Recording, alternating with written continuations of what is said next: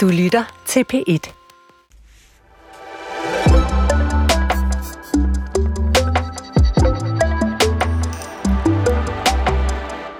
Fremtiden. For mig var det engang noget med robotter og røntgenbriller og sådan nogle rejser i rum og tid. Jeg er født i 1973, så det var sådan nogle forestillinger, jeg havde dengang jeg var barn. I dag som 50-årig tager jeg samtidig mig selv i at tro, at fremtiden faktisk er ankommet. At kunstig intelligens bare er måneder væk fra at løse kræftens gåde, at Elon Musk og sådan nogen i min levetid finder en måde, vi kan leve på Mars, og at jeg ikke behøver at lære at sortere affald, fordi det fik så ny teknologi lige om lidt. Her på fremtiden er vi nysgerrige på teknologierne, opfindelserne og idéerne på vej, men især på det liv, som måske kommer til at udspille sig imellem dem. Jeg hedder Mette Valsted Vestergaard, og i dag føler jeg mig for en gang skyld ikke rigtig nysgerrig. Vi skal nemlig tale om noget, jeg har et uafklaret, ja til tider faktisk helt besværligt forhold til, nemlig døden. Eller altså fremtidens død. Og hvordan den snak kommer til at forløbe, det er jeg faktisk selv lidt spændt på. Men vi prøver som sædvanligt at give ChatGPT serveretten på emnet. I år 2123 er vores forhold til døden markant anderledes end i dag. Videnskaben har gjort enorme fremskridt i forståelsen af, hvad der sker efter døden. Mange teorier og eksperimenter har kastet lys over de mystiske aspekter af døden. Og vi har endnu mere indsigt i, hvad der måske sker efter livet. Selvom det stadig er et område med mange teorier, har forskningen skabt en mere åben dialog omkring døden og vores eksistens efter den.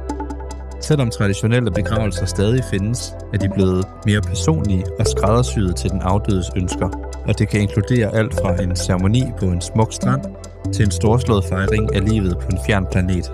En interessant udvikling er konceptet om digitale efterlivsrejser. Folk kan oprette virtuelle verdener, hvor de kan tilbringe tid med deres afdøde pårørende i en slags simulering af livet efter døden. Det er måske den øh, mindst konkrete fremtidsskildring, vi har på ChatGPT til at lave nu. Måske lige bortset fra det der med de digitale efterlivsrejsner.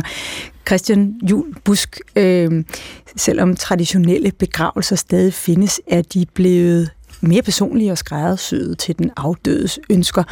Det kan man vist næsten øh, kalde en, øh, en helgardering.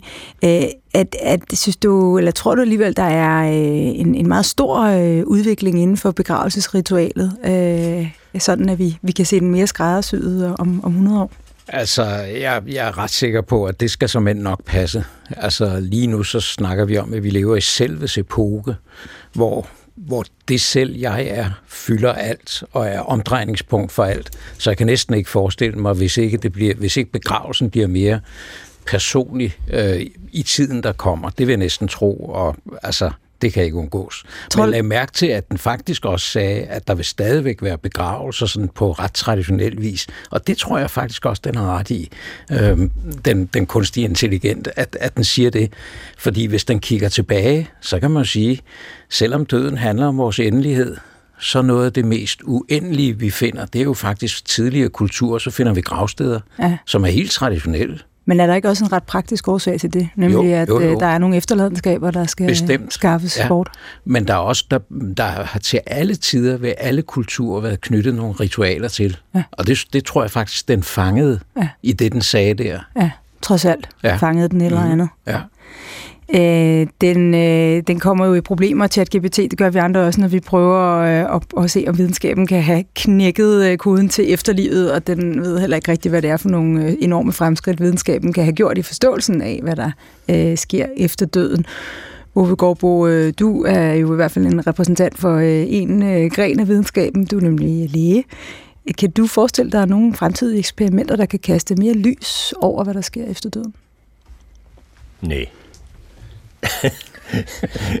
Egentlig ikke. Øh, men, øh, men, men, men, men man kan jo tro en hel masse om det, og tænke en hel masse om det, og ønske en hel masse om det. Så vi er langt væk fra at vide, og helt over ja, i at tro? Det, det, sådan har jeg det godt nok. Øh, at der, der, tror jeg, der tror jeg sgu ikke, vi kommer så meget videre mm. der. Til gengæld så siger den noget andet, som man måske lidt nemmere kan være enig i, nemlig at dialogen omkring døden øh, er mere åben, og at, at det har forskningen været med til at, at sørge for. Kan du se det for dig? Øh, jeg kan sagtens se, at dialogen bliver meget mere åben, øh, og det, fordi det er, jo, det er jo, man kan sige, det er noget, vi arbejder på i dag. Det er ja. noget af det, som både Christian og jeg er meget store fortaler for, at vi er meget mere åbne i vores uh, samtale om døden. Hvordan gør I det som, som læger? Øh, jamen, øh, det, det, det sker på for, forskellige vis. Det, det jeg selv gør, at jeg, jeg er jo nærmest sådan blevet omrejsende i øh, samtaler om død, mm. øh, og, øh, og holder kurser, workshops og oplæg og seminarer, og jeg ved ikke hvad, altså alle, alle mulige steder i sundhedssektoren, hvor mm. overskriften ligesom er, at vi skal være bedre til at tale med de ældste og de mest syge mm. om, at... Øh, at det godt kan være, at det skal dø på et tidspunkt, mm. og kun hvis vi mm. lige får snakket om det og forholder os ordentligt til det, mm. så kan vi også så kan vi, vi hjælpe med, at folk de selv får lov til at bestemme noget om, hvordan det skal foregå. Mm.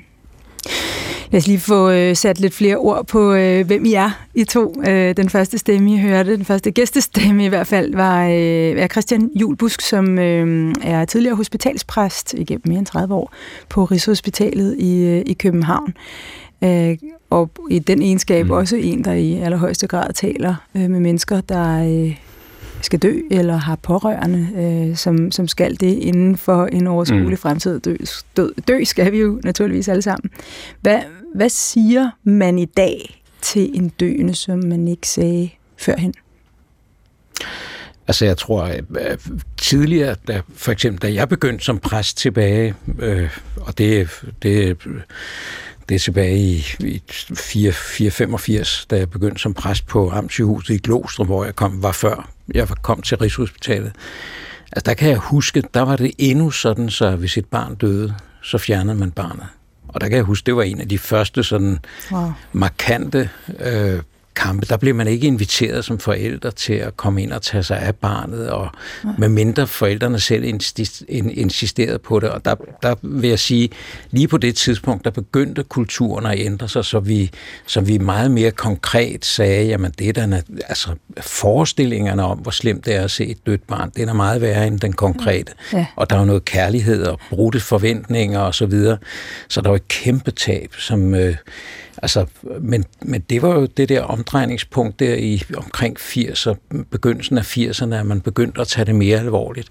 Og der tænker jeg, der, der, der, der var det enormt vigtigt i de første år sådan at, at være med til at skabe den kultur af det her. Det skulle jeg altså snakke om, og det er også der, hvor hospicekulturen begynder at komme ind og jeg har, jeg har engang været, øh, jeg mistede en, øh, en, et familiemedlem på et tidspunkt, som mm. var amerikaner. Øh, han var en ung mand, han døde, han var 29. Øh, jeg havde ikke været til begravelse før i USA, og stor var min overraskelse, da jeg kom over. Han døde i et trafikuheld, skal jeg sige. Øh, derfor var overraskelsen så meget mm. desto større over, at han lå i åben kiste. Mm. Og jeg var forskrækket over at skulle se et dødt menneske, sådan et havde jeg ikke set før. Nej. Øh, det var, som du selv siger, ganske udramatisk. Det var Andrew, der var død.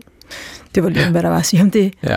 Er det. Er det på vores breddegrad, vi har været øh, lidt forskrækket over tanken om at skulle præsenteres for døden i, i konkret forstand, eller, eller har, tror du, det har, har været en, en mere universel ting? Altså, der er ingen tvivl om, at der også er noget kulturelt i det.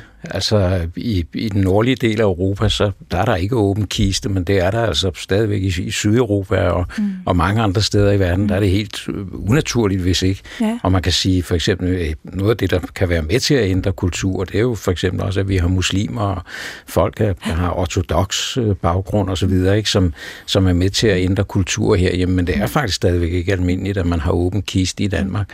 Der gør man jo som regel det, at man siger, at hvis der er nogen, der gerne vil være med til at se den åbne kiste, så gør man det ved en udsøgning, eller man gør det før bisættelsen, og så mm. lægger man kisten på. Og respekt for dem, som ikke bryder sig om ja. det, og ikke ønsker at se det. Ikke? Der er klart kulturelle forskelle. Ja. Du har jo så, øh, en, en ting er at, at stede dem til hvile, som, som er døde og tale med, de, tale med de pårørende, men du har jo selvfølgelig også øh, i vid udstrækning været vidne til, til menneskers aller sidste timer øh, ja. i, i tre ja. årtier. Har du oplevet, at der har været en ændring i, øh, i hvad de har haft brug for af samtaler, eller om de har haft i, i stigende grad eller faldende grad har haft brug for noget at tro på i de timer? Altså jeg vil sige, det, jeg tror til alle tider, at mennesker i mødet med døden, som er det store ukendte, kan man sige, der har vi til alle tider brugt. Altså jeg siger, døden unddrager sig direkte tale, tiltale, fordi det er sådan en anden hånds ikke erfaring. Vi ved ikke rigtig, hvad døden er. det, når, når, når vi dør, så erfarer vi ikke mere der. Vi kan kun erfare den på anden hånd, og det gør døden til noget helt særligt i vores kultur. Mm.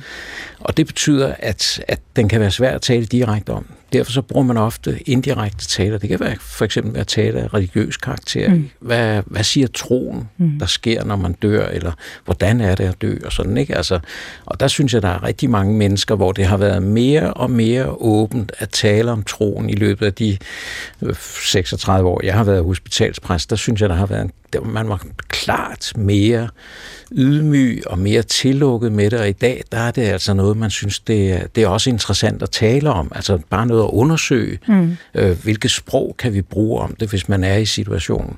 Og sige, der er faktisk rigtig mange mennesker, der, der har en tro, og som giver dem støtte og styrke i mødet med livets afslutning. Mm. Det, det, det, det er helt klart mit indtryk, og man er blevet mere åben om det inden for de sidste 15-20 år. Ove Gårdbo, vi skal også have øh, præsenteret dig, overlæge øh, og ekstern konsulent i øh, Dansk Selskab for Patientsikkerhed. Og, og så øh, selvfølgelig et, et menneske, som har talt, øh, både taler i dag om øh, døden, men også har talt med mennesker, der for hvem døden var nært forestående øh, i, i lang tid. Oplever du, at, at vi er lige så, hvad skal man sige, bange for døden? Øh, øh, tror, eller tror du, vi er ligesom bange for døden? Og i en fremtid om 100 år, end vi er i dag, for eksempel? Øh, ja, det, det var, det var, jeg, jeg, troede, jeg troede, du spurgte, om vi var lige så bange for det i dag, som vi var for et stykke tid siden. Øh, ja, det er og, måske og også den udvikling, jeg er interesseret ja, i. Nu fandt jeg bare på at skrive det frem i stedet. Og, og, der, og der, der, lige til det første i hvert fald, så, så, så vil jeg sige, at øh, jeg synes, der er flere og flere, der er mindre og mindre bange for det, og som mm. mere og mere øh, øh, taler om det og tør at være i det. Og jeg har jo haft tilsvarende oplevelse som læge, som Christian har haft, da jeg var ung læge, altså hvor dødfødte børn blev fjernet med det samme. Øh, øh, der var meget små besøgstider, øh, så det der med at være hos den døende og sådan noget, det, var, det kunne man slippe på, hvor man var henvist til besøgstiden. Der. Og i dag, øh, så er det jo meget almindeligt, at man er der meget, og man tør at være der, og man bliver støttet i at være der, mm. bliver støttet i at gennemgå de processer, som er forbundet med det, også, også som potentielt sørgende. Altså man er jo sørgende allerede før den anden dør, og, og det, og det er hammerne godt, så det, det, det går den vej, og det tror jeg vel, det, det tror jeg, det bliver ved med. Altså i, i en grad, så jeg oplevede selv, da jeg skulle tage afsked med en meget nær veninde for, for øh, ikke så fire år siden af det, at øh, man på palliativt afsnit, hvor de er rigtig dygtige til den slags, havde øh, os inde, det var mig og vedkommendes far, og hvor vi fik at vide, I skal ikke blive ked af det, hvis hun vælger at dø, når I ikke lige er Nej. ved siden af hende. Ja. Det ser vi ofte, mm. at, at, at de gør. Altså næsten den, den, med modsat foretegn, at, ja. at, at, at vi skulle ikke føle, at vi havde svigtet hende, eller sådan noget, fordi det var ligesom, sådan, sådan skete det meget tit, selvom man ligesom sad der øh, nærmest døgnet rundt. Jeg var engang ved at lancere så det et, øh, et slagord i Aalborg Kommune, tror jeg det var, hvor jeg sagde, at skal vi ikke sige, at der er ikke nogen, der får lov at dø alene i Aalborg Kommune. Så er nogle af de erfarne øh, medarbejdere på plejehjem, der sagde, at nu skal lige holde lidt igen, det, det skal vi sgu ikke, der er nogen, der gerne vil. Ja. Øh, øh, og der er faktisk nogen, der ikke helt kan finde ud af at dø, når der er så mange til stede. Og, og, og det var ligesom det, som bliver nævnt der, at, at de mennesker fra, fra palliativt afsnit, som du, du kender. Og, og, det, og det, det, som jeg arbejder for, det er, at alle skal blive øh, lige så gode til det, som de er på palliativt afsnit, eller i hvert fald turde være i det. uanset hvor det er, man arbejder i sundhedsvæsenet, fordi det, det, vi, vi, vi beskæftiger os med folk fra de Ja, vi beskæftiger os med folk fra, at jeg er i mors mave, mm. og så til, øh, til ja. de, efter, de er døde, og det skal vi jo kunne være i hele, i hele forløbet. Jeg kan, kun, jeg kan kun være enig. Det var en enestående omsorg, både for, både for den døende og for pårørende, og øh, lige præcis den her person var selvfølgelig sådan en med en stor blufærdighed og en privathed, og hun skulle aldeles ikke dø, mens der var nogen, og det gjorde hun heller ikke. Øh, hun døde lige de 10 minutter, vi var, vi var væk. Øhm, kan du huske første gang, du skulle fortælle nogen øh, altså ud fra et lægefagligt perspektiv, at, at øh, døden var, var nært forestående? Ja. Hvordan var det?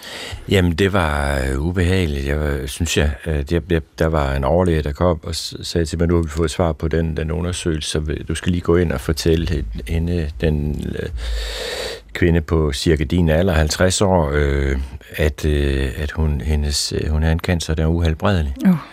Øh, og, og det skulle jeg ligesom bare lige gøre. Og så måtte jeg jo ind og gøre det. Og, og jeg synes, at opgaven øh, var ubehagelig, men oplevelsen var faktisk god, fordi det lykkedes at det lykkedes, og jeg vil ikke, man, man kan jo ikke få en god situation ud af det, men man kan godt få en, en situation, som er i orden. Mm.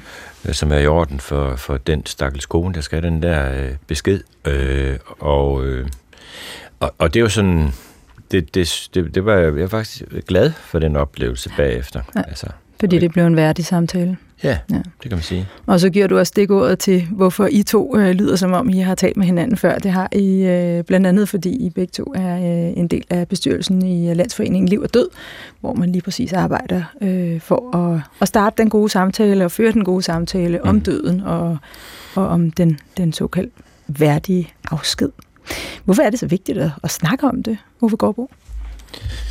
Jamen, altså kun hvis vi taler om det, kan vi jo forholde os til det, kan man sige. Hvis, hvis, jeg, øh, hvis, hvis du er patient hos mig, og øh, du skal dø, så kan jeg jo godt have nogle fornemmelse af, øh, hvordan skal det være, og jeg tænker, at du vil gerne have det på den eller anden måde. Og det er jo sådan set sådan traditionelt, øh, sundhedsvæsenet har opført sig over for kunderne. Det er, at vi ved godt, vi ved godt, hvad behoven er, så vi mm. behøver jo ikke at spørge om alting. Og sådan mm. noget.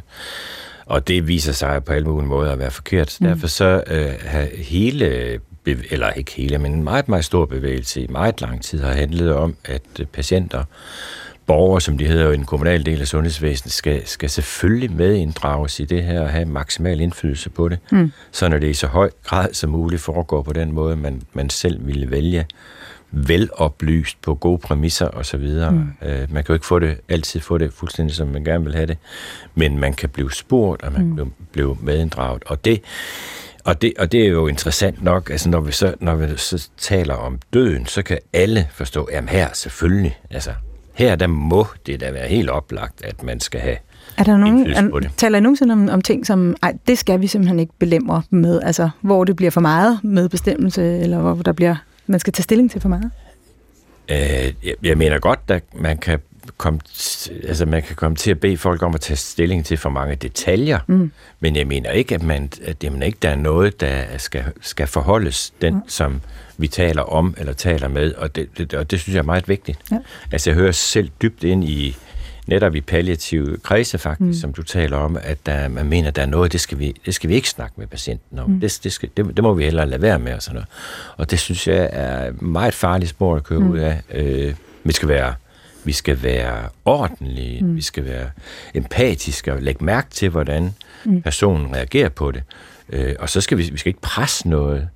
Altså, og det tror jeg faktisk, og det har Christian også lært mig noget om, ikke? Mm. Altså, vi skal vi skal ikke over, overgreb på folk, men vi skal ikke undlade at fortælle, hvad der sker. Christian altså, Julbus, det er jo en, det er jo en udvikling, som, ja. som går, du får lov lige om et øjeblik, mm. det er jo en udvikling, som, altså jeg har i, i hvert fald selv oplevet, at, at, at man øh, for en del år siden forlod sig virkelig meget på ritualerne, og helst ikke skulle ned og snakke for mange konkreter, mm. og til at man i dag måske er mere øh, matter factly, om jeg så må kalde det ja. på nydansk. Altså mere, ja, gå, gå mere ned i de der helt ja. øh, fysiske ja. detaljer omkring det. Og øh, i virkeligheden, jeg har sådan en lille citat fra, øh, fra Takt og Tone, som Emma Gade mm-hmm. skrev tilbage i 1918, ja. hvor hun skrev, ja. Undlad ikke at gå i sorg, især ikke i den første tid, selvom den afdøde ikke stod deres hjerte nær. Ja, spar da især ikke på sørgefloret.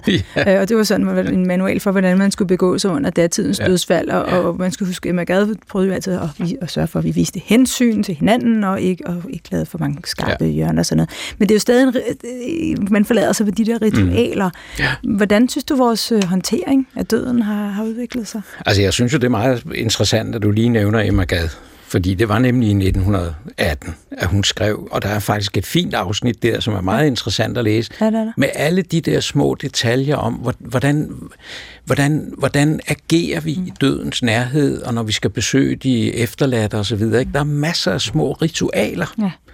Og, så, og, og, og det var jo sådan, det gav jo faktisk en tryghed ja. i omgangen med hinanden, mm. at man havde små ritualer. Mm. Men bliver man også, kommer man også tre skridt for livet på Præcis, den måde? Præcis, netop ja. ikke. Altså, så sker der jo det, at, at de jo, altså, som tiden går, så bliver det der mere og mere stift mm. og altmodisk. Mm. Ikke? Man, man oplever det som noget gammeldags noget. Og så kommer 68, og det er jo 50 år, præcis 50 år efter, ikke? Mm. i 68, mm. der gør vi op med alle de ritualer. Mm. Ikke? Og så, og, så, og, så, og så kommer vi til en tid, hvor du er stærk, hvis du kan tale om alle dine følelser. Ikke? Og det er jo faktisk tidens norm lige nu. Og der er jo, jeg vil sige, og det er jo, jeg er jo fuldstændig enig med Ove i, at alle skal have mulighed for at tale om deres forhold til døden. Mm. Men der er faktisk nogle mennesker, som ikke bryder sig om det, ja. og som synes, at det er meget invaderende, hvis jeg skal tale om mine tanker og følelser i, i forbindelse med død og, og sygdom osv. Og, og, ja, og der, der går jeg meget ind for, at vi giver folk en mulighed ja men det bliver til et overgreb, hvis vi insisterer på, at folk skal tale ja. om, om og, og, så, og så siger jeg, og, og, det, og det bliver et undergreb, hvis vi ikke giver dem muligheden. Ja. Ikke? Men jeg vil sige, nu er det faktisk 68 generationen, der begynder at være at opleve, at de er dødelige. og, og er nået dertil, hvor vi begynder. Så nu tror jeg faktisk, at vi mærker, at vi står og mangler nogle ritualer. Mm. Og det synes jeg, man ser mange steder i, mm. i vores samfund. Både at man begynder at lede efter, hvad kan vi så finde ud af at, at gøre i situationer, hvor, mm. hvor døden øh, begynder at fylde noget. Eller nogle adekvate ritualer i forhold til, hvad, hvad, hvad vi har brug for. Jeg, præcis. som sagt, fik anledning til at opleve en amerikansk begravelse, og ja, der var ja. virkelig meget ritual, men, men det var til gengæld nogle meget rummelige ritualer. Ja, altså, ja, ja. Der var meget mere... Det, det, den, den ene ceremoni var sådan, det hedder en visitation, og så kommer man, mm-hmm. og så mhm. ligger den døde, ja. ligesom nærmest lidt, lidt på ret. Der kunne man altså godt gå rundt og nærmest være til cocktailparty, mm. og, øh, og, ja. og der var et lysbilledshow med den afdøde, og der ja. var øh, masse sniksnak. Hey, hej, hvordan har du det? Hvordan ja. går det? Og så var nogen, der græd, og så var ja. brød helt sammen, og så var der andre, der grinede højt. Det var en meget mere... Altså, det krænkede nærmest mig til at mm. starte mm. med, øh, fordi det synes jeg, jeg synes, det var uordentligt. Mm. Fordi jeg var vant til danske begravelser, hvor ja. man har de der øh, 40 minutter til at lægge ansigtet i folder, og så slut videre? Altså, vi har det så, jeg vil sige, der jo faktisk kommer også, jeg ved ikke, om det er en udvikling, men, men, men der er jo sket noget også med, med, med samværet efter en begravelse, ja. der, der synes jeg, jeg har registreret, ligesom, at det, det er faktisk blevet meget frit i, i vores tid, og ja. også meget mere, så ja. viser man lysbilleder, eller man ja. har hængt billeder op af vedkommende, ja. for ligesom at fortælle livshistorien. Ja. Og så kan man forholde sig til den livshistorie, og det synes jeg faktisk er ret almindeligt. Det opløser tabuet lidt. Ja. ja. ja. Hvad med over i sundhedssektoren? Er, er døden nogen form for tabu? Altså man kæmper sådan set for at holde folk i live og helst så længe som muligt. Ja, altså, det der med, med tabu er interessant. Jeg, jeg, jeg er begyndt at sige, at døden er ikke tabu i vores samfund øh, længere, men det kan godt være svært at snakke om. Og så er der... Nå, og det er der lidt forskel på. Altså, der, jeg synes faktisk, vi bliver bedre og bedre til at tale om døden. Og jeg, jeg, jeg har for nylig været lidt rundt øh, igen på turné. Jeg var i Maja Fjord Kommunes øh, seniorråd, og det samme i ældrerådet i Brønderslev med 150-200 mennesker der sidder der, og vi snakker om døden, og de snakker om døden, og jeg spørger, er I, er I slet ikke, har I ikke problem med at snakke om døden? Nej, det har vi ikke. Mm. Når jeg så spørger, øh, når jeg er ude og undervise sundhedssektoren, så viser det sig, at de har, de har altså nogle problemer med at snakke om døden. Ja. Og der er noget, der tyder på, at, at måske er det faktisk en lille smule større tabu blandt sundhedsprofessionelle, og det synes jeg er interessant, hvis det er sådan. Og måske hænger det sammen med, at vi er blevet så pokkers gode til at reparere ting, til at fikse ting, og vi kan mere og mere. I den tid, jeg har været læge, er det jo helt uhyggeligt, mm. alt hvad vi er blevet bedre til. Så måske tror, øh, så, så blev overbevist man sig måske sig selv om, at, øh, at det er det, vi skal hele tiden fikse. Mm. Og fidusen med, eller fidusen, det man jo skal tænke på, når det går, når det er ved at slutte, så skal man jo holde op med at fikse. Så skal man jo bare være der. Ja. Og det kan jo godt være lidt af en øvelse for en, der er vant til at fikse. Ja. Ja, og alene det er bare at gå over og lindre, og så måske på et tidspunkt slet ikke engang at gøre det. Ja, måske bare sidde der. Ja.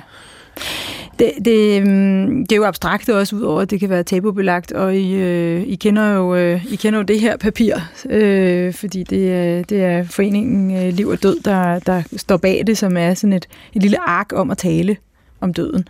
Som, det, det er vist godt nok kun mig, der kender det. Jeg tror, det er det, jeg har lavet til at have med til netop de der møder med de, præcis, med de ældre præcis. i Brønderslev og mig her. og, som, og som rummer sådan en checkliste, regulær checkliste. Der er endda små øh, ruder, hvor man kan sætte, ja. sætte kryds.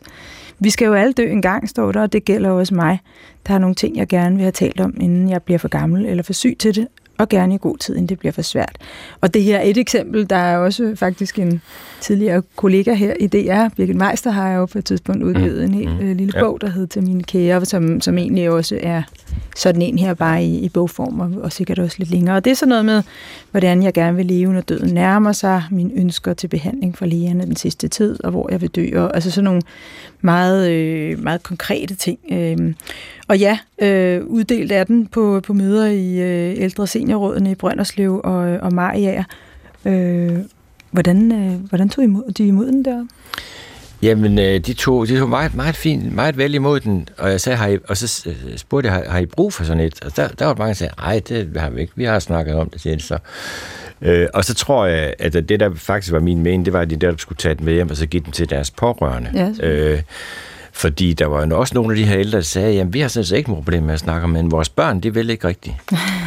og, og det er jo interessant. Altså børnene synes ikke, at det er så øh, vigtigt at få snakket om, eller ret, og børnene synes måske, det er besværligt og, og, og måske trist, fordi de vil helst ikke snakke om, at deres mor skal dø. Mm. Og mor vil egentlig gerne snakke om det, fordi der er nogle forhold, hun gerne vil have have snakket om. Det kan være arv, det kan være noget om behandling, det kan være behandlingstestamenter og så mange forskellige ting. Øh, men hvor der så hvor der opstår sådan et kærlighedens skjold. Vi mm. passer på ikke at tale om det her, vi sætter skjold op imellem os. Mm. Og, og det er jo sådan et, et, godt, et godt begreb for, også for palliation, at det skal vi se at mm. komme forbi, mm. eller igennem det her kærlighedens skjold. Så Altså, jeg er meget positiv overrasket over, hvordan de her mennesker, der kom til de her møder, de forholdt sig til. Nu har de jo også meldt sig til. Der stod mm. døden på overskriften og snak om døden og sådan noget. Så, så der var nok en, en eller anden form for sortering af, hvem der kom og hvem der ikke kom. Ikke? Men, var der flere kvinder end mænd? Ja, der er altid flere kvinder end mænd, når vi skal snakke om døden. Der er altid flere kvinder end mænd, når vi skal snakke. Punktum. ja, når vi skal snakke. Ja. Christian Julbusk. Nu var det ikke, fordi jeg skulle øh, smøre den her af på dig, men jeg har tænkt på øh, mere sådan i, i overført øh, forstand, fordi du har vel også en, om ikke andet, mental tjekliste øh, over ting, som skal drøftes, når man taler med, med døende, og måske også med deres øh, pårørende, hvis de er til stede, når, når samtalen finder sted, eller hvad? Altså, jeg ved ikke, om jeg, jeg synes ikke sådan som, som sådan checkliste eller værktøjskasse eller sådan et eller andet, men, men altså, som Ove sagde før, det er, det er simpelthen, det er nærvær, det er nysgerrighed. Det er at turde sætte sig ned ved siden af et menneske og kigge mm. ind i den, i, i den retning, mm. som det menneske kigger ind i fortvivlelsen. Og det kan så være enten om, om, om hvordan, er det, hvordan er det at dø, øh, eller hvad er døden? Ikke? Altså, det, det er der, hvor jeg skældner sådan lidt, hvis, der, hvis jeg skal have sådan et, et eller andet, en ramme eller sådan et eller andet, så tænker jeg, at nogle samtaler, de handler, det er meget, det er meget enklere at høre det på tysk. Sterben, det er processen at dø. Mm. Ikke? Ved det menneske taler om processen at dø. Jeg er så mm. bange for at miste følelsen af værdighed. Jeg er så bange for at være til besvær for andre. Eller handler det om døden? Ja. Ikke? Tot, hvad er døden? Ja. Hvad sker der, når man dør? Og hvad, hvad er der bagefter? Er der noget? Og, ja. og sådan ikke. Og der lagde jeg jo mærke til, at den der kunstige intelligens, den sagde, at videnskaben ved meget mere om. Det tror jeg, ikke, et, det tror jeg overhovedet ikke kommer til at ske, fordi alt, det er jo præcis det, vi har brugt. Ja. Tro, religion, kunst, musik, Ja. Altså Verdis Requiem, øh, alle de der store malerier af, af, hvad er døden og mødet med døden osv. Ja. Det er jo der, vi har det indirekte sprog, som religionen er. Alle, alle religioner handler om, om myter om, hvor kommer døden fra. Og, det, og hvad er det at være død, og hvad sker der, når vi dør, og så videre. Ikke? Ja. ja, og det er klart, at det, det, når vi taler om, om, hvordan tingene vil forandre sig i fremtiden, i forhold til, hvordan døden kommer til at finde sted, så er det jo øh, nok primært for dem, der mister øh, en, ja. øh, og snarere end det er for den, der dør, fordi det ja. øh, kommer nok ikke til at udvikle sig ret meget, hvis øh, jeg må være så fri at gætte på, øh, på, jeg, jeg på tror, noget du, som jeg helst. Jeg tror, du har ret. Der, der er nogen, der prøver... Jeg afholder jeg mig ellers ja. fra, men lige den her tør jeg godt at, øh, at komme med et bud på. Er helt enig. Vi begyndte vi jo også... Øh, men man har, hvis jeg bare lige, hvis gør det noget, hvis jeg lige siger, fordi i alle, mange kulturer, ikke alle kulturer, men mange kulturer har jo haft sådan en eller anden tanke om, hvordan kan vi bevare den døde, altså ultimativ balsamering, Ja. Det er jo et forsøg på, hvordan kan jeg bevare det her menneske ja. til efterdøden? Ikke? Og nu, nu har vi jo fået en, en nedfrysningskultur nogle steder. Ikke? Altså, vi taler om lidt. Okay, ja, fint. Ja, kryo, ja, ja, ja, hvordan vi ja, måske både virtuelt ja, og, og helt ja. fysisk kan, det er jo et kan bevare på. eller udsætte ja, døden på en ja, eller anden måde. Ja. Inden da, så skal vi lige, uh, vi skal lige høre en sang. Mm. Um, og det skal vi, fordi det er den her med at øh, at tale om døden, eller synge om døden, og i det hele taget at, og, og håndtere den øh, kulturelt, kan man sige, øh, har også gjort sit, øh, sit indtog i, i højskolesangbogen. Har den måske nok haft tidligere også, men øh, med den 19. udgave, som jeg tror er den seneste, øh, har Naja Marie Eids øh, digt, som også er titlen på en bog, øh, hun har skrevet i øh, 2017, efter hun på helt tragisk vis mistede sin søn Karl et par år tidligere. Øh, der, der er det her digt er altså blevet til en, øh, en sang.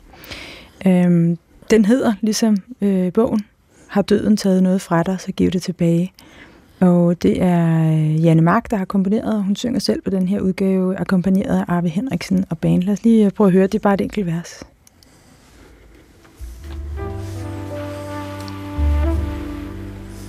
Har døden taget nogen fra dig, så giv det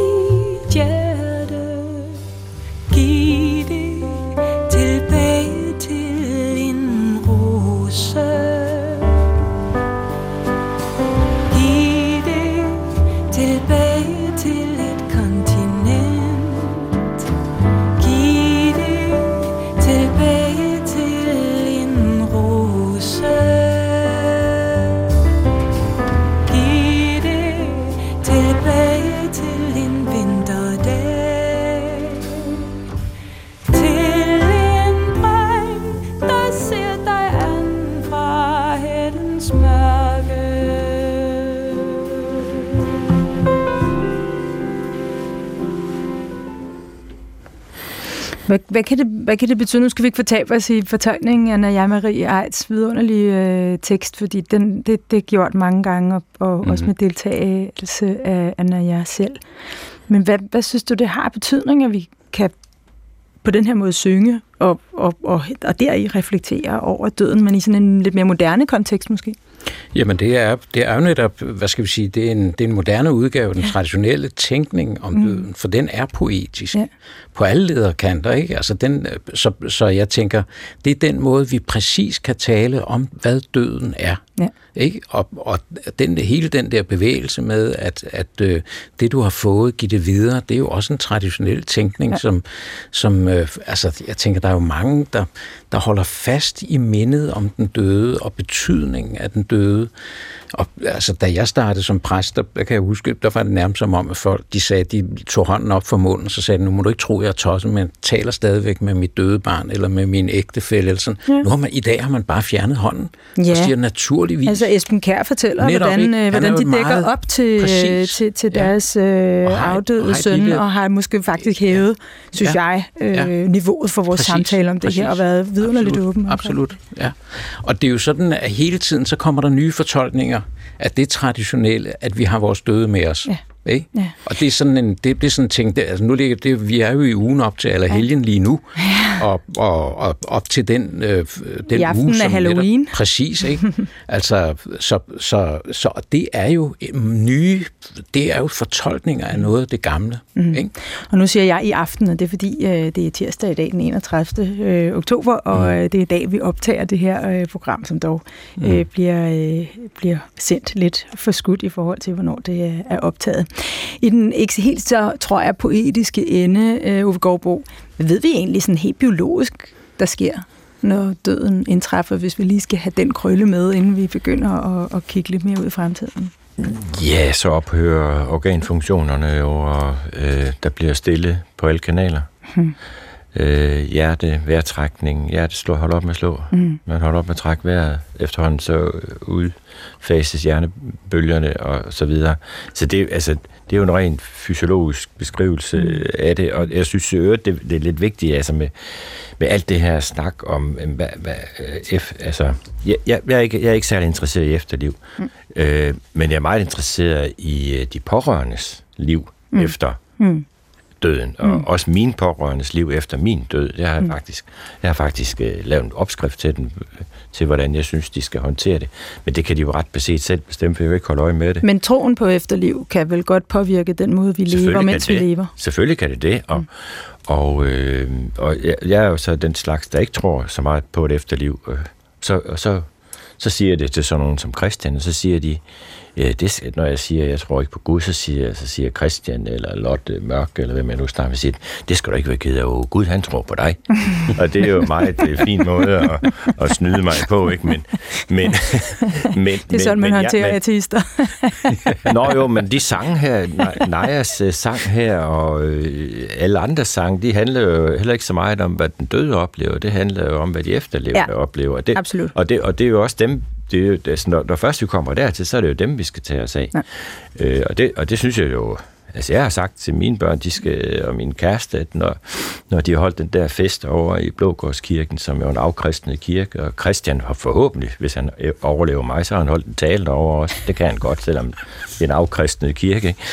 Og de har fået nogle bajer og haft det sjovt. Ikke? Så, så, så, skal, så skal de spille uh, Bo Kaspers uh, Danse på min grav. Ikke? Eller, nej, det passer ikke. Jeg har sagt til dem, at de skal få orkestret til at komme og spille, og så har jeg sagt, det, er nok, det koster nok et par hundrede tusind, så I kan også bare tage den på Spotify, hvis I synes, det er for dyrt. Ikke? altså, altså, men, men, og, og det er jo også en sang, der, som, som bare er en smuk sang, der handler om, hvad de efterlevende skal. Ikke?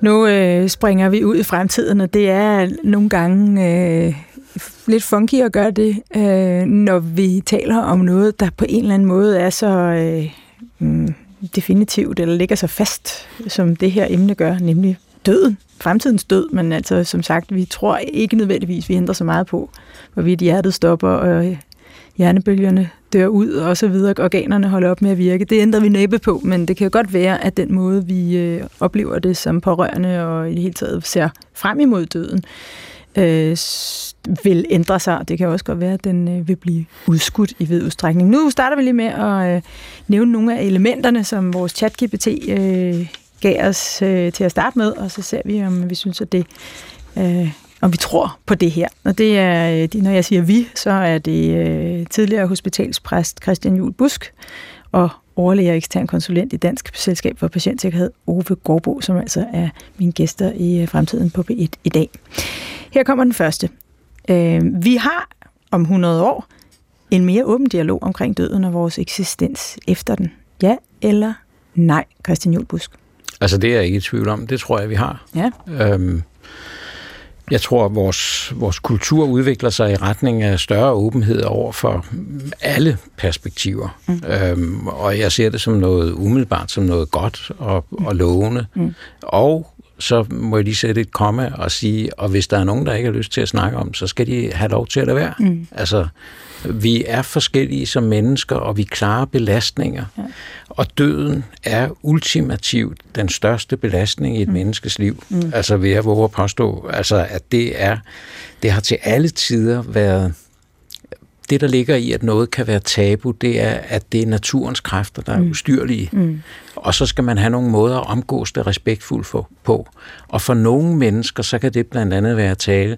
For andre mennesker, så kan det være noget helt andet. Mm. At trække sig tilbage fra det og holde afstand til det.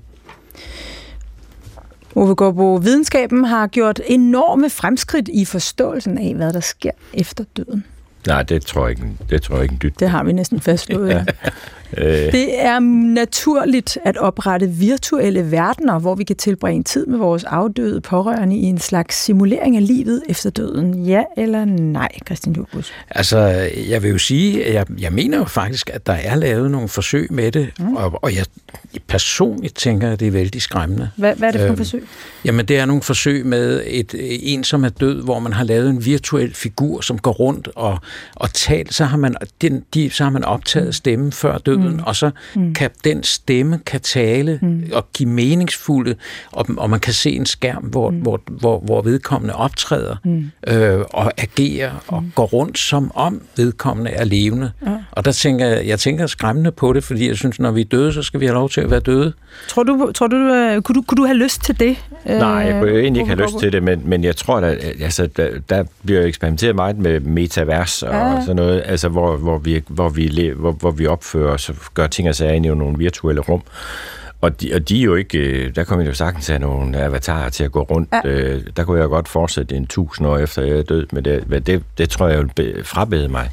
Det, det er okay, de laver min Facebook, mine børn og kæreste laver min Facebook-side om til en mindeside i, i et stykke tid, og så lægger den ned.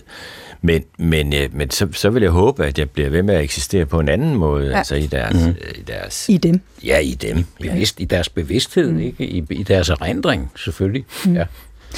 Hvordan, øh, hvordan kan vi sikre os, at forhold, vores forhold til døden sådan udvikler sig i en, hvad skal jeg kalde det, hensigtsmæssig retning? Altså, fordi det der lyder jo en lille smule grotesk. Jeg har som, som, som antydet mistet nogen, der stod mig ganske nær, øh, også øh, inden for en, en kortere årrække. Jeg er, savner dem øh, dagligt, men jeg er ikke sikker på, at jeg har lyst til at, øh, at, at, at sætte en AI til at illudere og være dem øh, og, og, og dermed kunne få dem på besøg igen til aftensmad, øh, som, som min veninde plejede at være øh, næsten hver dag. Det, det, det, det virker alligevel for, for, for kunstigt. Jeg tror, det bliver selvbegrænsende. Altså, der er nogen, der har måske meget lyst til at, at have nogle ting til at foregå på den måde, så tror jeg, så tror jeg at det kommer til at begrænse sig selv. Altså, jeg, jeg tror også, at vi bliver bedre til at tale om sorg, og, mm. og, og, og, vi, og, og det du siger der, det er jo faktisk også et udtryk for, jeg, jeg tror da lige så vel som vi er blevet bedre til at snakke, jeg synes vi er blevet bedre til at snakke om døden, mm. så er vi også blevet bedre til at snakke om sorgen, mm. og vi er blevet bedre til at have sorgen. Mm. Vi er blevet bedre til at, at, til at sige, at selvfølgelig må du gerne, du må gerne have lov til at tænke på mm. Din eksmand, eller din afdøde mand, du må gerne tænke på ham hver eneste dag. Men, Men det, er jo, det er jo dejligt, at du kan leve med, at du har ham med der på den måde, og du faktisk har et liv alligevel. Det er jo helt okay. Tidligere skulle man jo glemme man skulle glemme det, ja. det skal vi ikke i dag. Og ja, og, og, og apropos uh, Esben Kær, som også en tidligere kollega her i, i DR, som altså, som sagt mistede uh, en, en søn, og som dækker op til ham, når de har familiemiddag, og har fortalt meget åbent om det. Mm, og, og det er jo en måde at undgå det, som han siger, at man, man oplever jo, når man mister nogle af de dør mm. to gange, fordi først dør de, og så vil ja. alle gerne fratage ja. en mindet om, om vedkommende, eller vedkommendes eksistens nærmest. Men omvendt kunne man forestille sig, at det vil, vil være en mulighed at gå meget, altså måske psykologisk set for langt ned af den, øh, af den vej, altså netop at fastholde barnet i en virtuel eksistens, i en AI-genereret stemme, der stadig øh, er og lever, og som man kan tale med? Eller, kan du se for dig sådan en udvikling? Altså umiddelbart så tænker jeg, basalt set, så er, er mennesket ser jeg som et sundt væsen. Altså vores evne til at klare belastninger er måske også noget af det, der har, gør, har gjort, at mennesket er så, øh, altså fylder så meget i hele universet, kan man sige. Ikke? Mm. Altså det, det er fordi, vi har faktisk en ret sund sans over for mange af de ting. Når noget, det kan godt være, at noget skal afprøves, men hvis noget bliver for meget og forkert, så kommer der en modreaktion. Mm. Altså jeg, jeg vil sige, noget af det, som for den umiddelbare fremtid, der tror jeg, Ove og jeg er enige, fordi vi har blandt andet skrevet en artikel om det, at der er vi meget optaget af, at døden den flytter fra det medicinske område, som har været med til at fremgøre døden. Døden er virkelig flyttet på institution. Døden er, er blevet fremmedgjort i forhold til folk. Og så taler vi om, at døden den skal gøres meget mere til et eksistentielt, relationelt fænomen, igen som den har været mm. i vis udstrækning. Vi skal ikke idyllisere, hvordan det var i gamle dage, men der var nogle gode ting ved, at døden var mere nær i forhold til familier, mere nær i forhold til det nære samfund, hvor man bakkede op om hinanden. Og det er jo nogle af de bevægelser, som både øh, Naja, Maria Eid og, og Esben Kær også øh, taler ind i. Det er det der med at, at styrke det relationelle rum, øh, og, og ikke se døden som noget, der skal være flyttet ind på et hospital. Mm. Altså, og, og, og der synes jeg, det er meget, det er det, jeg ser umiddelbart i den nære fremtid. Det er den bevægelse, vi skal have lavet. Mm. Men vi taler stadigvæk om, om døden som det der meget absolute, altså at, at, at nu er dette menneske ikke længere, og så skal vi lære at forholde os til det, og så er der forskellige måder at takle sorgen. Men vi har jo teknologi i dag, som kan fastholde den fysisk set døde mm, i noget, der minder lidt om noget levende i lang tid. Altså hologrammer. AI-skabte ja. stemmer, og altså, vi, vi, vi kan jo sådan trække grænsen lidt for, hvornår, øh, ja. hvornår altså, døden altså, egentlig altså, indtræffer mit, over for ja. de pårørende ret altså, langt mit, allerede i dag. Mit billede er, at der er, mit sådan indre billede, når du siger det der, så tænker jeg, så ser jeg store mure Hvorfor? Er det omkring, for omkring, omkring assistenskirkegård, ja. omkring alle kirkegård er der mure. Og i gamle dage var det selvfølgelig også for at holde kvædet ud, men det er også for at holde de døde inde. Ja. Altså, vi skal jo skille mellem de levendes verden og de dødes verden. Og noget af det, jeg tænker, der er helt galt, det er, hvis vi bliver ved med at fastholde de døde i de levendes verden. For de døde skal have lov til at være døde. Hvorfor? Altså, alle ritualer handler om at skelne mellem den, over, den svære overgang fra et menneske har været her og været en del af mit liv, og nu ikke længere er det, fordi vedkommende er død. Men hvorfor er det så ikke problematisk, hvis nogen dækker op til deres døde barn ved konfirmationsfesten? Jamen, jamen det vil jeg sige, fordi de ved godt, at de har været med til en begravelse, mm. og at, at hvor, hvor, hvor, hvor den dreng befinder sig, ja. på hvilken gravsted ja. øh, han er. Ja. Så det er rent mentalt, at de, at de sikrer hans tilstedeværelse ja. som at mindet om ham. Men hvis det bliver sådan mere konkret, med, med sådan, at man, man laver, øh, at, at stemmen bliver ved med at være der, mm. at, at figuren optræder, og måske også skaber nye ting mm. i sådan et metavers, mm. eller hvad det hedder. Mm. Altså, at, at, øh, så tænker jeg, så er det usundt i mit univers, mm. fordi jeg vil gerne have, jeg vil gerne, altså, i gamle dage, er, det er jo helt paradoxalt, ikke? men i gamle dage, hvis man troede, at et menneske gik igen, så gik man jo ud og bankede en, en, en, en, en pæl igennem, gravet ned i gravstedet, for ja. ligesom at markere, at vedkommende skulle festnes. Man taler om at jordfeste. Ja. Det betyder, at den døde bliver festet til jorden, som vi kommer af. Ja. Ikke? Og, og så skal de ikke rode rundt blandt de levende. Mm. Altså i vores lovgivning tror jeg sådan set også, det er det, der er tanken. Du må ikke have Tante Agathe stående i en, i en, øh, i, i en urne hjemme Nej. på kaminhylden. Nej. Og jeg tror, det er rent mentalt, at det der, vi tænker, vi skal have de døde væk. Ja. Ikke? Vi skal skelne i, mellem de dødes verden og de levendes verden. Ja. Men er det ikke, fordi vi har et tabu omkring døden? Altså, er det, det er vel ikke nødvendigvis noget naturgivet, at vi har valgt, at der skal være det øhm, så, så synes jeg, det er et sundt tab. Ja. Jeg ved, så, jeg ved ikke, om jeg kan komme det videre, men, men tabu var præcis det, at, man, at det, der var for stor en kraft, ja. Mana, mana, forstår Netop, mana. Ikke? Ja. Præcis, ikke? Det, der var for stærk en kraft i samfundet, der hvor vi kom for tæt på naturens grundlæggende øh, styrke og, og, og kraft, at der lavede vi nogle ritualer. Det er det, tabu mm. almindeligvis betyder. Ikke? Og i dag, der er tabu, det er blevet sådan et psykologisk begreb, mm. og jeg er ikke i stand til at snakke om. Det var det egentlig ikke i gamle dage eller tidligere. Mm. Der var det noget, man havde en respektfuld afstand til noget. Mm. Jeg, Men kan altså, jeg, jeg vil godt lige sige, at, at, at, at, at der er noget i det her, som godt kan blive en lille smule sådan teknologiforskrækkelse også, ikke? Og der synes jeg altså, for, for, for, for mange år siden, der, kunne, der havde man ikke engang et billede, vel? Mm. Så kunne man... Øh, så, så, så, ved jeg ikke, så, kunne man, så kunne man måske lave en tegning på væggen, der lignede onkel Åge, ikke? Altså, nu, så fik du billeder, og så har du videoer, og nu har du optagelser, og, mm. og, og hvis, hvis der er nogen, der har lyst til at lave en avatar af mig, og har, har den med i lommen, så er det, så er det sgu da okay for mm. mig. Altså, mm. den måde, som de vil mindes mig på, den må, må tage forskellige mm. former, mm. men men, og, og, og teknologien, det mm. synes egentlig er ligegyldigt. Jeg, siger, men skal... jeg håber bare, at når de så fremkalder mig, at så, så bliver det festligt. Ja.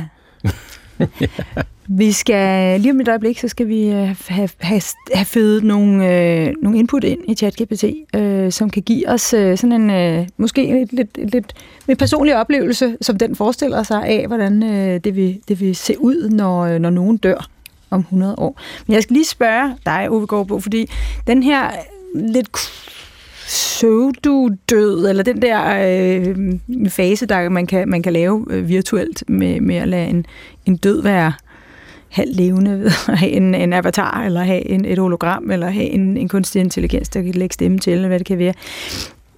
Der er jo, der er jo folk, der eksperimenterer med at fryse stamceller ned, fryse organer ned måske lige frem, og nogle drømmer endda om at fryse øh, hele mennesker ned med uhelbredelige sygdomme i en tro på, at så når man tør dem op igen, så vil man have en kur for, help, for pågældende øh, sygdom, og så kan man nærmest leve for evigt. Ja. Har det nogen, øh, tror du, det har nogen gang på jord i, i en altså, fremtid? jeg tror for først og fremmest, det er, det, det, altså, det er ligesom så meget andet. Øh, Science fiction. Ja, så det er jo noget måde at trække penge op i lommen på rige folk, ikke? Altså, og desværre også en gang mellem fattige folk. Hmm. Men, men jeg skal jo ikke afvise, at der, at der, der er noget af det, som kommer, kommer til at virke, men jeg tror ikke på, at vi på den måde kommer til at skaffe os selv et ret meget mere evigt liv. Altså, vi, kom, vi lever længere og længere. Det gør vi, fordi at vi har en sundere og sundere, øh, sundere, sundere livsstil. Om nogle år, så, så er alle ryger uddøde, og så slipper vi for nogle bestemte mm. sygdomme. Men så får vi jo nogle andre. Altså, vi dør alligevel. Og det der med, der er jo nogen, der har sagt, at det, det menneske, der lever tusind år, er allerede født, ikke? Og det, det, tror, det tror jeg heller ikke på. Nej. Altså, men det kan godt være, at vi bliver ældre. Det, det, det, det er der nok ikke nogen tvivl om, men, men, men ja, om det så er, at vi bliver 150, men så kan cellerne måske så heller ikke øh, længere end det. Nej, vi dør nok af kræft og hjertesygdom og nogle andre ting, og desværre også af krig og autokrater, der vil til at slås med hinanden, og jeg ved ikke hvad, men øh, vi dør. Nu skal vi have skrevet et helt konkret scenarie om, øh, om en, der ligger på sit dødsleje. Øh, det gør vedkommende om 100 år. Hvordan øh, taler præsten og lægen til den person? Og hvordan taler og hvad, hvad, med de, hvad med de pårørende? Hvad skal vi, øh, hvordan skal vi gøre det her fremtidsscenario realistisk? Hvad siger I?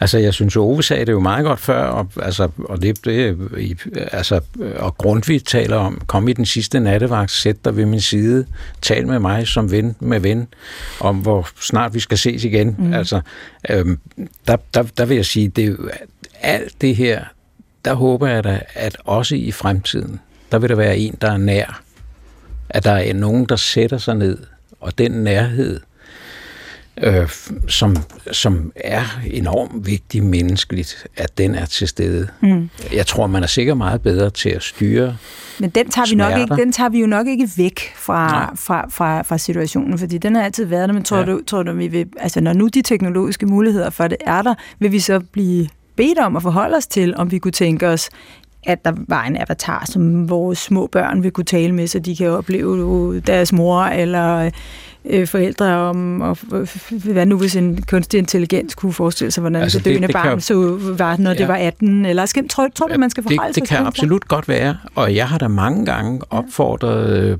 døende forældre, som har haft mindre børn, til at skrive breve til deres mm. børn, som de kunne få ved, mm. ved en fødselsdag, ved en jul og sådan, ikke? En lille hilsen fra mor eller far, mm. som nu så ikke ville være med, fordi de døde, eller optage video, så det er jo ikke fordi, det er jo ikke fordi, at, at øh, at, at, at der ikke godt må være en stemme fra fortiden mm. med, men, men det er lidt mere, jeg er lidt mere betænkelig ved det der, hvis vi prætenderer, at vedkommende er til stede. Ja. Så der må godt være sådan en repræsentation ja. af, af vedkommende ja. i form ja. af et hologram eller ja. en, en kunstig ja. intelligens. Må der også sidde en, som, som ligner fuldstændig hen ved, det kan være hen ved gravstedet, så man besøger en, øh, noget, der ligner en fysisk person ja, jeg, der. Jeg må sige, jeg Skal man slet, også tage stilling til det? Jeg har slet, slet ikke været så langt ude i tankerne, som du er ja. der.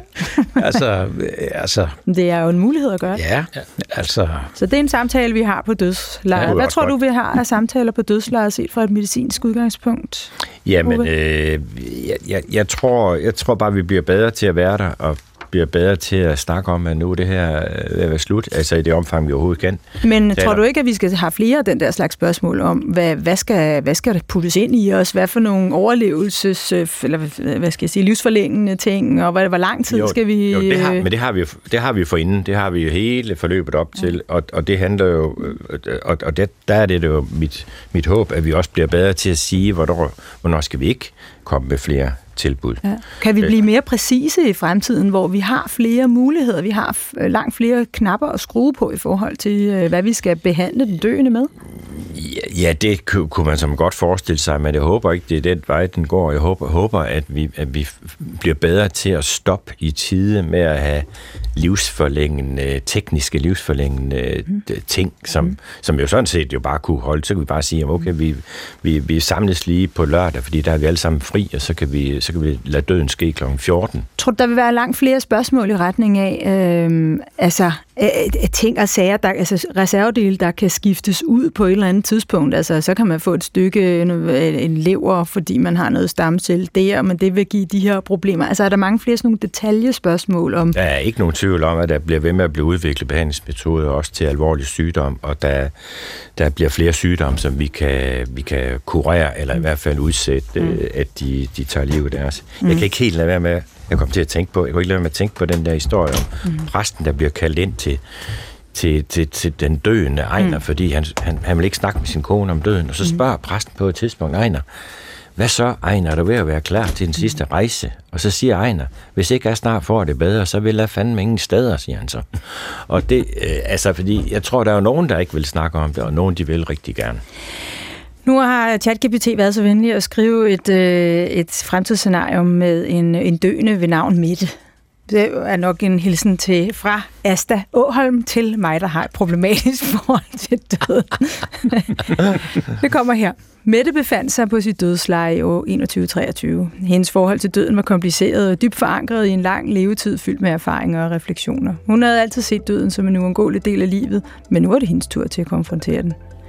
Rummet var lyst, og lyden af afdæmpet musik fyldte luften, hvilket skabte en fredfyldt atmosfære. Mettes pårørende sad tæt om hende og gav hende tryghed og støtte.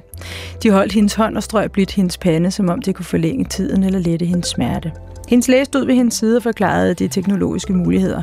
Mette, begyndte lægen, du kan vælge at fortsætte din eksistens virtuelt. Din bevidsthed kan overføres til en digital platform, hvor du kan interagere med andre og udforske en ny form for liv. Mette betragtede sine pårørende og tænkte over lægens ord. Selvom ideen om et virtuelt liv var fascinerende, følte hun en dyb tilfredshed med det liv, hun havde levet. Hun vendte sig mod lægen og sagde tak for muligheden, men jeg tror, jeg er klar til at omfavne den naturlige afslutning på mit liv. Lad mig gå videre på den måde. Lægen nikkede forstående og gav hende medicin for at lindre smerten og angsten. Mette smilte til sine kære og lukkede langsomt øjnene. Hun begyndte stille sin rejse mod det ukendte, med tillid til, at hendes liv havde haft betydning, og hendes minde ville leve videre i de hjerter, hun efterlod sig. Hendes pårørende forblev tæt ved hendes side og gav hende kærlighed og støtte under hendes overgang. Det lyder undtagen det der med det virtuelle til forveksling, sådan som det nok kommer til at foregå på et tidspunkt. Helst først om 50 år. Ja, det var så smukt. ja, det var smukt. Og det handler jo om vemod. Vemod, det betyder, at jeg har oplevet noget, der er skønt, dejligt. Jeg er så ked af, at jeg ikke kan holde fast i det, men sådan er virkeligheden. Ja. Mm. Det øh, er faktisk første gang, vi har haft en øh, sådan et chat-GPT-afrunding øh, her, som nogen har kaldt smukt. Men øh, det synes jeg faktisk også, det var, selvom... Ja, bortset fra den der selvom det var hende der Mette, der, skulle... sælge noget virtuelt efterliv. Ja.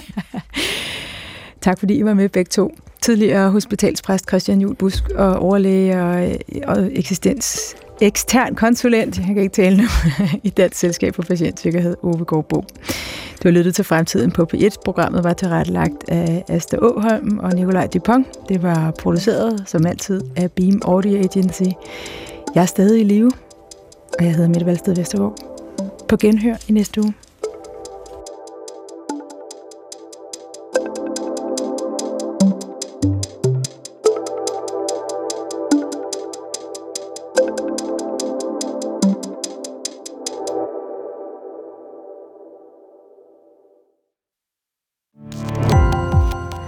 Gå på opdagelse i alle DR's podcast og radioprogrammer. I appen DR Lyd.